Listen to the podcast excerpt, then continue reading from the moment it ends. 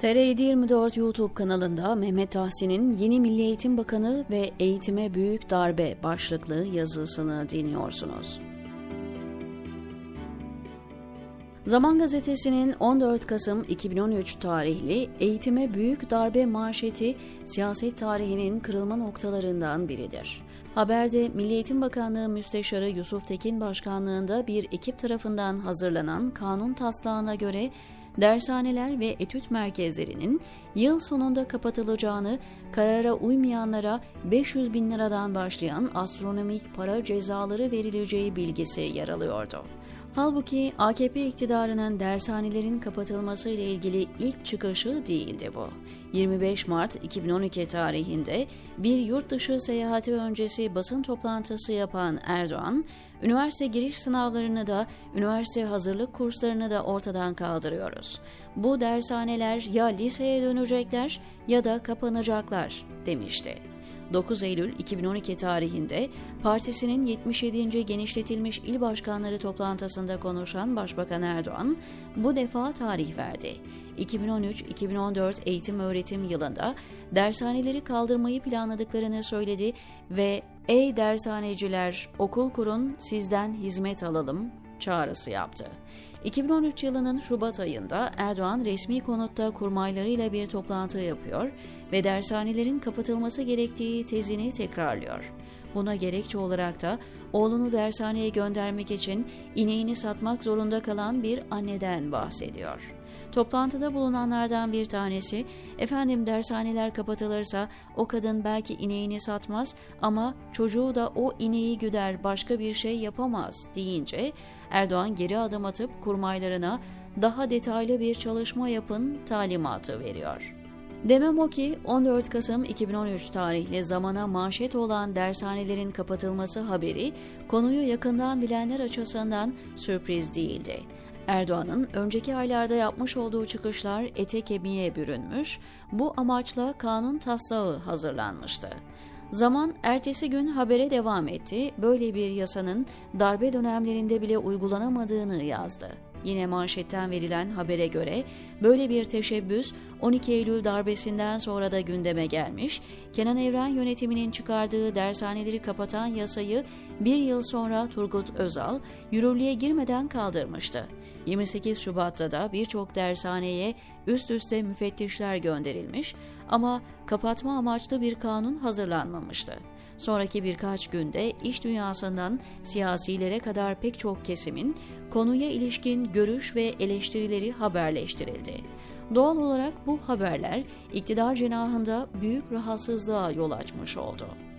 Bu haberlerin yayınlanmasından 13 ay sonra 14 Aralık 2014 tarihinde tahşiye operasyonu bahane edilerek Zaman Gazetesi Genel Yayın Müdürü Ekrem Dumanlı ve Samanyolu Yayın Grubu Başkanı Hidayet Karaca gözaltına alındı. İstanbul Cumhuriyet Savcısı Fuzuli Aydoğdu'nun sorguda yönelttiği sorulardan birisi de zamanın eğitime büyük darbe manşeti ve devamındaki haberleriydi.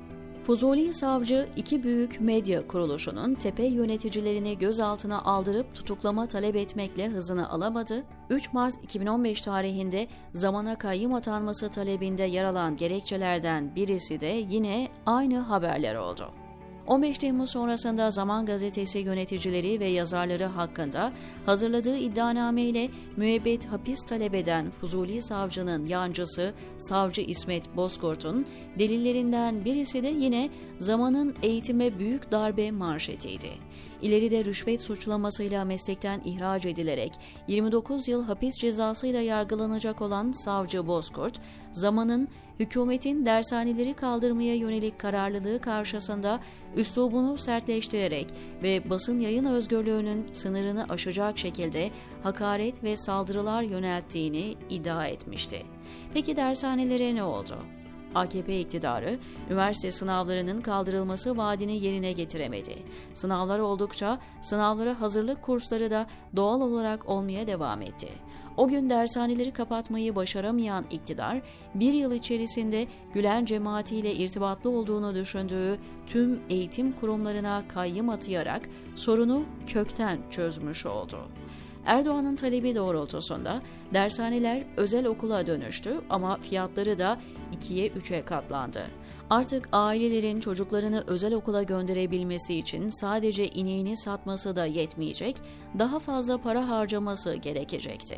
Halbuki yıllık 450-500 saat civarında kurs veren dershaneler eğitimde fırsat eşitliği de sağlıyordu. Bu ortadan kalkmış oldu. Sonra yaşanan gelişmeler ortaya çıkardı ki meğer Erdoğan ve AKP iktidarının asıl amacı dershaneleri kapatmak değilmiş. Dershaneler Erdoğan tarafından Gülen cemaatinin insan kaynağı olarak görüldüğü için kapatılmak istenmiş. Halbuki Recep Tayyip Erdoğan'ın kendi çocukları ve 11. Cumhurbaşkanı Abdullah Gül'ün oğlu başta olmak üzere AKP'de siyaset yapanların neredeyse tamamına yakınının çocukları o dershanelerde kurs almıştı. İşte bu yazıda hikayesini anlattığım eğitime büyük darbe haberlerine konu olan kanun taslağını hazırlayan dönemin Milli Eğitim Bakanlığı Müsteşarı Yusuf Tekin, Erdoğan'ın son kabinesinde Milli Eğitim Bakanı oldu. Üzerinden 10 yıl geçti. Belki de Sayın Bakan o gün yapılanların yanlış olduğunun, bir hırs uğruna eğitimin düşürüldüğü perişan halin farkına varmış da olabilir. Bekleyip göreceğiz o dershanelerde kurs alanlarsa Türkiye'nin en iyi üniversitelerini kazandılar. Başarı hikayeleri yazdılar. Aralarında dünyanın en seçkin şirketlerinde yöneticilik, en iyi üniversitelerinde hocalık yapanlar var. Hatta aramızda kalsın Erdoğan'ın son kabinesinde bakan olan bile var. Kim mi o bakan? Onu da siz bulun, diyor Mehmet Tahsin TR724'teki köşesinde.